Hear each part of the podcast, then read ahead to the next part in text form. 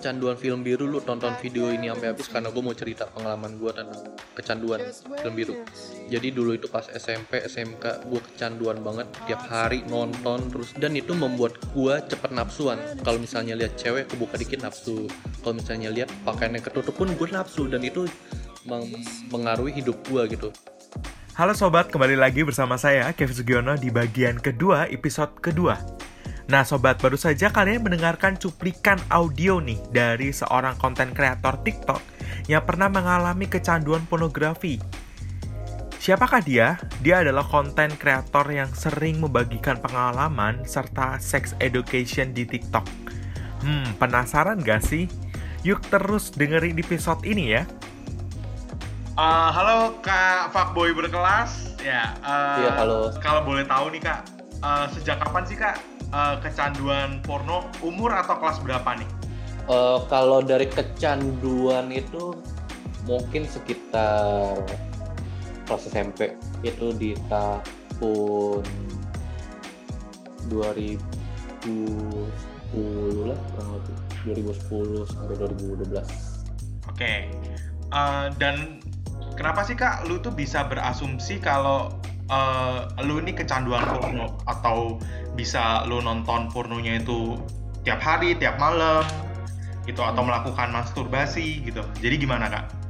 jadi saya tahu kalau saya kecanduan itu mungkin setelah lepas kali ya jadi pas saya tonton itu ya setiap hari setiap hari tonton aja terus nggak bisa lepas dari setiap hari tonton itu dari SMP pas SMP kan baru mengenal pornografi tuh. Website website segala macem. Dan itu dari situ udah kecanduan kecanduan terus. Dan itu nggak bisa lepas. Kalau nggak nonton sehari kayaknya ada yang kurang gitu. Oke, uh, kalau boleh tahu juga nih kak, uh, kira-kira uh, pertama kali tahu porno itu dari siapa sih kak? Atau dari keinginan keinginan tahuan sendiri? Atau dari teman-teman? Atau secara nggak sengaja nih uh, pas main internet atau main game, kira-kira ada uh, sekelibat gambar gambar-gambar porno atau iklan-iklan yang porno? Jadi sebenarnya gimana kak? Pertama kali tahu porno itu? Uh, jadi ya ceritanya tuh awalnya pasti dari teman-teman dari teman-teman itu paling kasih cuplikan video porno 2 detik 3 detik 4 detik lah kurang lebih tapi nggak nonton sampai full dan dikasihnya dikit-dikit doang nah tapi baru bener-bener tahu porno itu jadi ceritanya dulu saya dikasih komputer sama saudara saya jadi komputer bekas dia lah dan pas saya lagi main komputernya itu ternyata ada file-file porno bekas saudara saya yang belum dihapus. Nah, jadi dari situ saya tahu porno dari situ. Bener-bener menikmati pornografi itu dari situ. Oke. Kalau gitu gimana sih Kak cara kelepasan untuk uh, kecanduan dari porno ini kira-kira? Itu saya baru bisa benar-benar lepas pas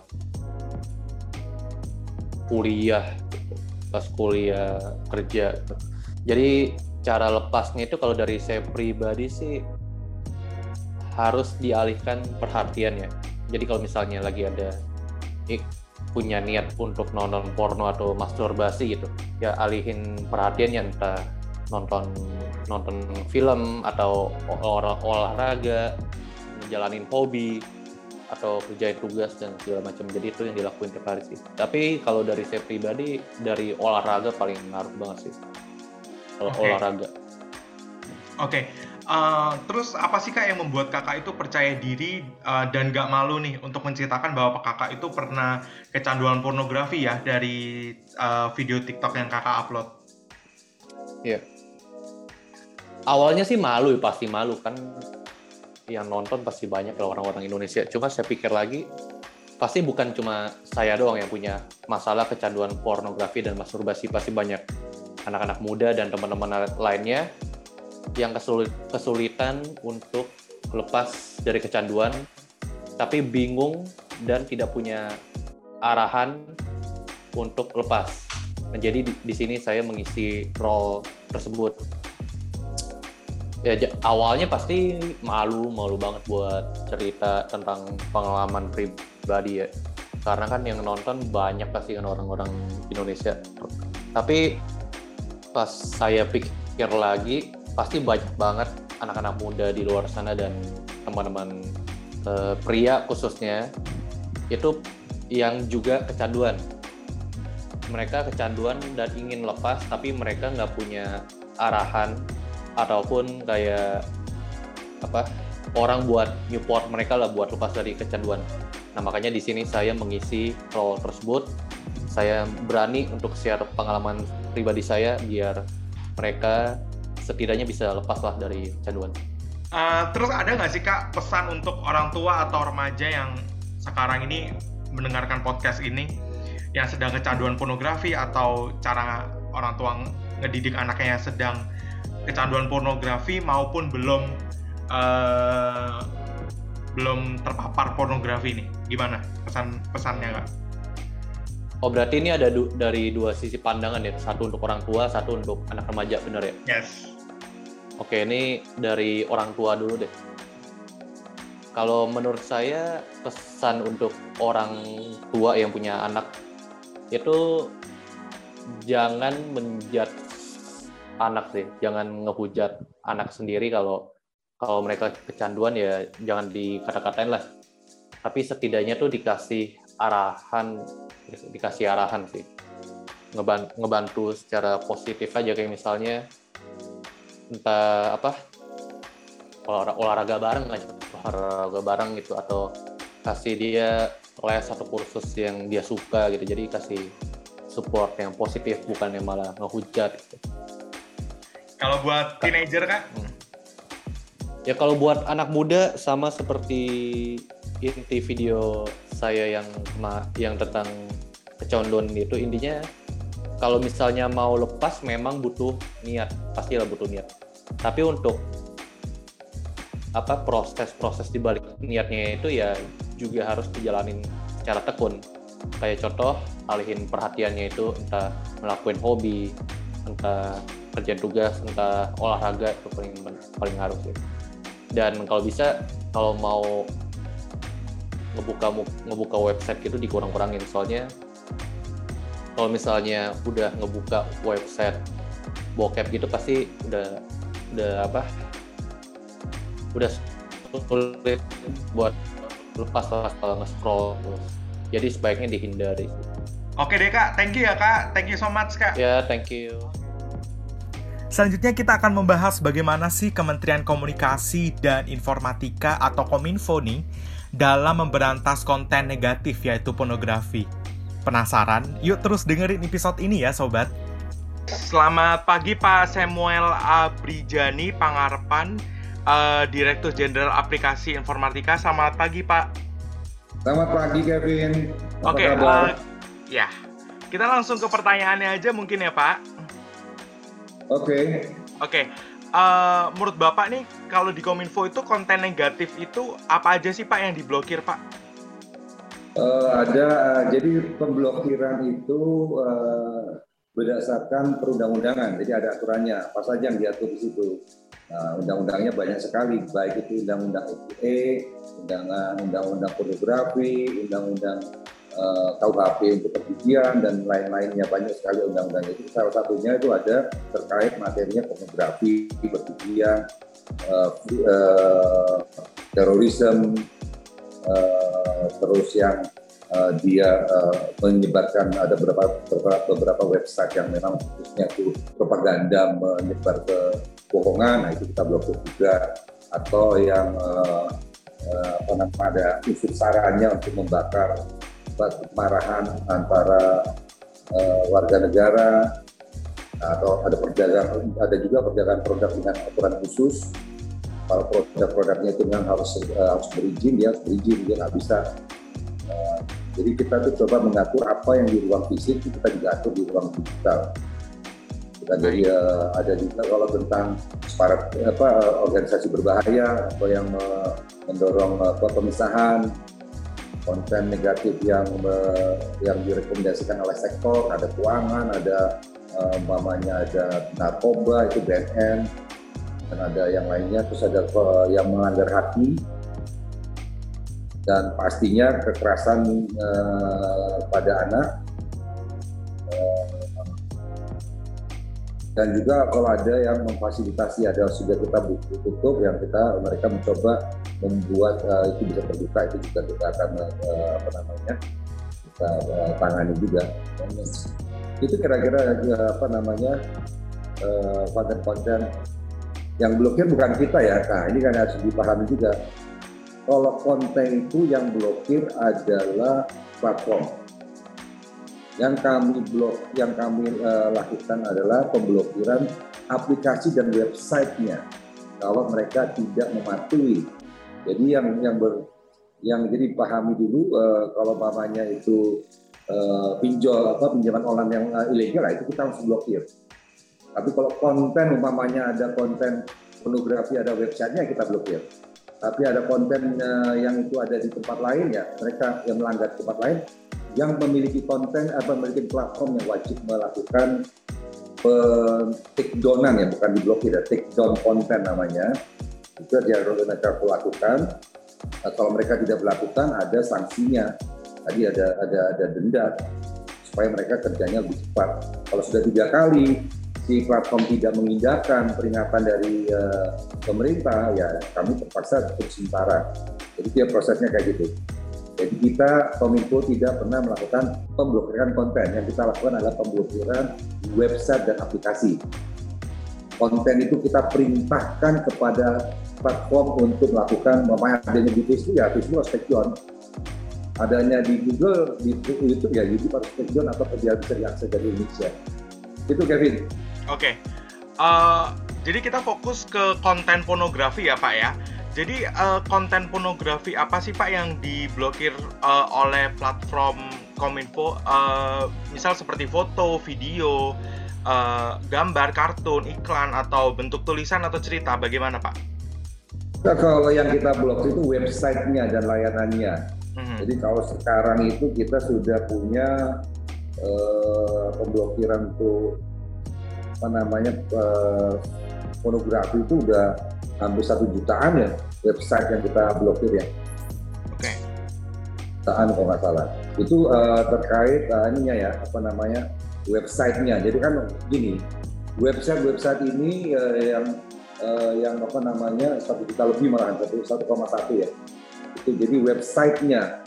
Jadi kan uh, kalau di dunia internet itu kan pornografi di uh, negara-negara barat itu kan bukan ilegal, tapi hanya boleh ditonton untuk yang 21 tahun. Tapi di Indonesia berdasarkan undang-undang pornografi itu ilegal. Jadi itu yang menjadikan kita kalau konten tadi ya sekali lagi konten langsung ke pada platformnya namanya. Contohnya di Twitter ada konten itu saya surat di Twitter, ya tolong itu dihapus paling tidak tidak bisa diakses dari Indonesia namanya. Tapi yang kita blokir itu adalah sekali lagi aplikasi dan uh, websitenya yang mengandung tadi uh, ada ketentuannya. Kalau kamu tanya ketentuan yang mana ya itu adanya di Undang-Undang Pornografi. Di Undang-Undang Pornografi itu ada bahwa hubungan seksual uh, atau memperlihatkan kelamin nah, itu dan itulah ada dan seterusnya. Terus bukan bukan apa namanya kartun kartun pun kalau dia menunjukkan persetujuan ya juga tetap merasa itu hal yang di, uh, uh, di harus ditangani.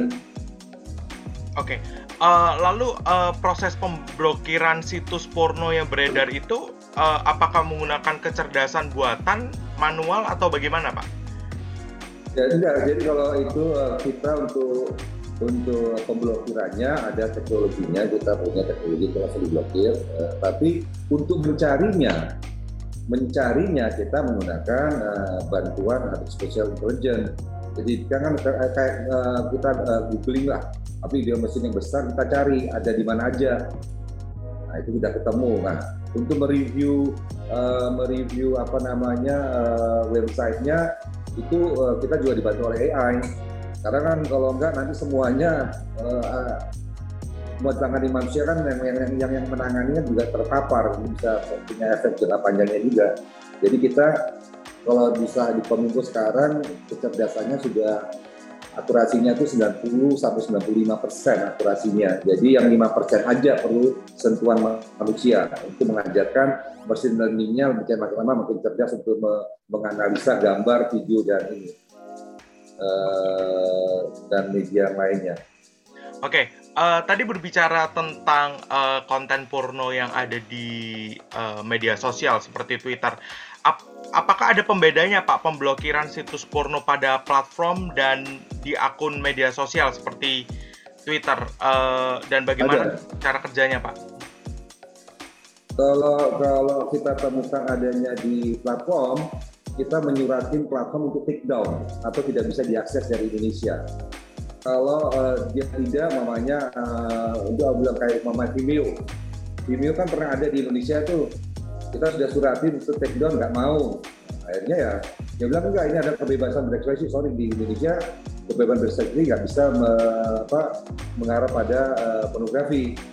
Akhirnya kita tutup Vimeo-nya kalau mereka nggak mau ya nggak apa-apa nggak usah berbisik di Indonesia itu. Okay. Jadi kalau untuk platform kita suratin platformnya untuk melakukan take down. Kalau mereka tidak melakukan take down sesuai sesuai uh, tengah waktu yang ditetapkan, mereka bisa kena denda dan berujung pada pemblokiran. Oke, lanjut ya Pak. Uh, bagaimana tanggapan Bapak uh, atau Kominfo nih tentang konten atau situs porno yang saat ini mudah diakses melalui VPN Pak? Uh, ya, dan apakah Kominfo tahu akan ya, hal kita itu tahu lah. Kita tahu lah itu orang ini. Jadi kalau sudah niatannya ya niatannya lah. Kan kita uh, harapkan sih masyarakat juga kan ini kan sebenarnya pemblokiran kan untuk melindungi masyarakat supaya uh, apa namanya uh, tidak terpapar secara langsung. Ya, kalau dia sudah melakukan uh, apa namanya lewat VPN nah ini yang kita cari mekanismenya. VPN itu sebenarnya uh, untuk uh, tujuan untuk apa memang buat channeling ya. Jadi kita seolah-olah bisa mengakses internet walaupun uh, seolah-olah kita ada di negara lain. Nah itu yang akan kami tangani juga. Kalau dia VPN-nya ilegal ya kita akan tutup VPN-nya karena VPN itu juga ada banyak pakai oleh perusahaan-perusahaan untuk keamanan keamanan sistemnya Iya, saya rasa uh, ini yang menurut saya kita tahu bahwa masih banyak ada yang mengakses lewat VPN ya nanti kita akan pelajari bagaimana cara kerjanya ya kita akan melakukan pengendalian di VPN-nya terutama VPN-VPN yang memang tujuannya untuk uh, mengakses konten-konten yang sudah dilarang di Indonesia. Oke, okay, baik. Uh, Kominfo kan juga ada layanan uh, konten untuk aduan konten uh, negatif, Pak apakah setiap konten yang diadukan itu difilter lagi atau diverifikasi oleh Kominfo sebelum ditindak? Ya ada. Jadi uh, kita itu membuka uh, bagi instansi pemerintah lainnya, ada formnya, ada pengisiannya, tapi juga ada uh, bagi masyarakat. Ya begitu ada masuk masuk ke laporannya itu kami uh, ada tim verifikasi melakukan verifikasi apa benar ini kontennya itu ada. Jadi ada verifikasi, habis itu dari dari verifikasi divalidasi baru kirim. Jadi nggak nggak serta merta. Jadi setiap laporan itu nanti akan dikasih tiketnya. Jadi mereka bisa uh, memantau juga apakah sudah tidak lanjutin. Kalau memang itu, oh ini tidak melanggar, tidak melanggar perundang-undangan ya kita kasih tahu ini tidak tidak tidak tidak tidak kita temukan yang namanya pelanggaran terhadap konten yang diadukan. Tapi ada proses uh, verifikasi dan validasi ada dua malahan jadi verifikasi melihat itu benar laporannya, habis itu ada validasi, ada tim expertnya lagi. Oh ya ini sudah benar, kalau sudah benar baru kita ajukan. Oke. Okay. Uh, eh, kalau boleh berbicara pada awal uh, pandemi COVID-19 ya Pak ya, uh, Kominfo menerima aduan konten pornografi sebanyak 1.028.000. Uh, Lalu apa ini bisa disebut kecolongan, Pak? Sebab uh, ini berupa aduan dan bukan hasil kerja mandiri dari Kominfo. Nah, kalau yang jadi kan tadi uh, ini yang uh, yang 28 ribu itu ya, dua ratus ribu itu kan aduan ada di uh, di platform-platform ya. Ya. Jadi kan tadi uh, mesin kan, kan tadi memang kalau ini kan memang kadang-kadang kan private bentuknya kalau akun kamu private kan susah kita kita masuk kan nah ini memang kita buka peluang itu makanya kita membuka bukan kecolongan ya kita memang sistem kita itu mendapatkan masukan dari beberapa uh, unsur. Tadi Kominfo nyari sendiri untuk di websitenya. Uh, kalau untuk konten-konten di platform itu diharapkan dari usernya itu aktif melaporkan. Jadi itu yang kita lakukan. Oke, uh, lalu bagaimana sih Pak uh, cara masyarakat uh, bisa mengadu, uh, mengadukan konten negatif yang bermuatan pornografi atau yang lainnya Pak? Ada ada ada kita ada bisa lewat aduan email kita aduan konten at uh, bisa lewat uh, websitenya aduan konten langsung bisa juga jadi aduan konten.id atau lewat WhatsApp kita ada Twitter juga kita punya. Twitternya kita at aduan Instagram juga ada aduan konten official Facebook juga ada aduan official. Jadi kita kita semua semua apa namanya uh, channel. Uh, dan ini yang terakhir Pak, uh, apakah selama ini Kominfo memiliki uh, program literasi digital kepada masyarakat Pak tentang konten bermuatan yeah. negatif? Seperti apa programnya, sasaran audiensnya, dan bisa diakses melalui platform apa Pak? Nah, jadi eh, tadi kan tadi kan kita lakukan pengendalian ya. Jadi pengendalian tadi kami pertanyaan apa yang kami tanyakan pertama itu adalah tentang pengendaliannya. Nah, selain pengendalian, kami melihat bahwa perlu melakukan literasi. Jadi masyarakatnya juga dicerdaskan uh, supaya mereka nanti lebih produktif lah melakukan kegiatan di ruang digital. Di uh, tahun 2017 kami memutuskan gerakan nasional literasi digital Nah itu kita kita kita mengajak banyak, banyak berbagai organisasi dan saat ini sudah uh, sampai 100 yang terakhir 120 kalau nggak organisasi dari baik itu pemerintah, masyarakat sipil, perguruan tinggi dan juga platform. Dan kita sama-sama uh, melakukan literasi itu me, tadi meningkatkan uh, indeks literasi digital kita. Nah, apa yang kita ajarkan ada empat kurikulum. Pertama, kita mengajarkan tentang digital skill-nya. Jadi paling tidak kalau mereka cerdas, mereka tahu cara menggunakan aplikasi yang aplikasi yang ada dan mereka bisa tadi tahu tentang apa saja yang mereka bisa lakukan. Nah, ini yang kita harapkannya mereka akhirnya lebih cerdas uh, dalam menggunakan uh, gadgetnya lah Kedua, kita ajarkan tentang safety-nya, bagaimana uh, supaya berselancar di ruang digital itu aman, nyaman, dan produktif. Itu kita juga ajarkan. Yang ketiga itu tentang digital culture. Apa sih digital culture? Sebenarnya gini, ruang digital ini kan bukan ruang hampa. Ruang digital ini di, di, uh, di apa namanya diisi oleh masyarakat juga yang ada di ruang fisik yang mereka sudah mendapatkan akses internet dan mereka berkegiatan di ruang ini, mereka uh, harus diingatkan kembali bahwa kita bangsa Indonesia ini bangsa yang berbudaya, sudah punya normanya, apa hidupnya, normanya, etikanya. Ini kita, ayo kita bawa ini juga di ruang uh, di ruang digital. Kalau yang kebanyakan kita lihat itu kan uh, orang ini kalau ketemu tatap muka sopan, santun, tata keramanya ada begitu di ruang digital kayaknya orang-orang berbeda gitu yang kita temui jadi kita nggak mau jangan sampai nanti itu bisa mengarah pada split personality jadi kita ajarkan kulturnya kita ingatkan bahwa lah kultur yang kita sudah diajarkan oleh uh, nenek moyang kita turun bertemurun nilai-nilai yang ada di kita itu kita bawa dan juga etikanya di dalam ber, uh, berkegiatan di ruang digital itu ada etikanya sama juga dengan di ruang fisik jadi uh, itu yang kita ingatkan empat eh, empat empat kurikulum ini digital skill, digital safety, digital culture dan digital ethic. Nah ini bisa diakses lewat literasi digital.id. Itu ada kegiatannya uh, dan ada apa namanya uh, programnya, program-programnya yang bisa diakses. Nah selain daripada itu uh, juga kita ada uh, yang namanya yang intermediate yaitu uh, kita punya digital talent scholarship ini kita anak-anak uh, yang, yang mau belajar tentang uh, apa ya uh, cyber security, cloud computing, big data analytics, coding, uh, you name it lah IoT jadi bisa di situ. Dan itu uh, berbasis berbasis apa namanya uh, sertifikasi ya. Ini nggak bisa yang untuk fresh graduate, ada juga kita buat graduate academy, kita juga punya professional school graduate academy, kita punya tematik, tematiknya apa yang kamu inginkan, ada professional academy, jadi ada pokoknya uh, kita lakukanlah beberapa program-program supaya tadi meningkatkan uh, lagi selain tadi literasi digitalnya, ini sekarang knowledge-nya kita kembangkan. Di pemerintahan pun kita ada kelas khusus untuk government transformation academy. Jadi di, eh, di sektor pemerintahan kita ajarkan bagaimana sih memasuki era baru, memberikan layanan ke masyarakat eh, menggunakan teknologi digital. Nah, ada juga kita Digital Entrepreneurship Academy. Ini kemarin ngajarin anak-anak untuk kalau mau buat startup gimana sih apa membangunnya.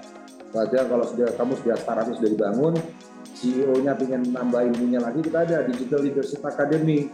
Jadi kita kerjasama dengan uh, perguruan tinggi, empat perguruan tinggi uh, terkenal di dunia. Dari ada Harvard, Oxford, uh, terus Tsinghua University di China dan juga National University of Singapore.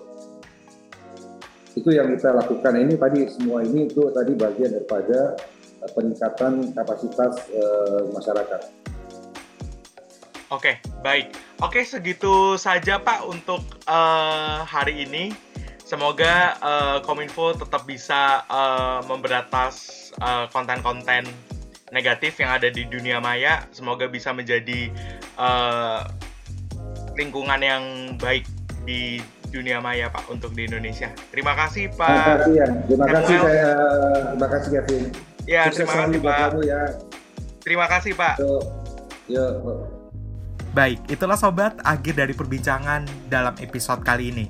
Terima kasih kepada pendengar yang telah mendengarkan sampai akhir episode. Semoga episode kali ini dapat bermanfaat bagi pendengar. Terus dengerin episode-episode lainnya yang gak kalah menarik dari Maritau Podcast. Dan share podcast Maritau ini ke teman, kerabat, dan keluarga kalian. Saya Kevin Sugiono dari podcaster episode kedua Pamit undur diri dan terus dengerin podcast Mari Tahu yang tayang setiap hari Jumat jam 10 pagi. Sampai jumpa sobat, sampai bertemu di lain episode. Salam sehat.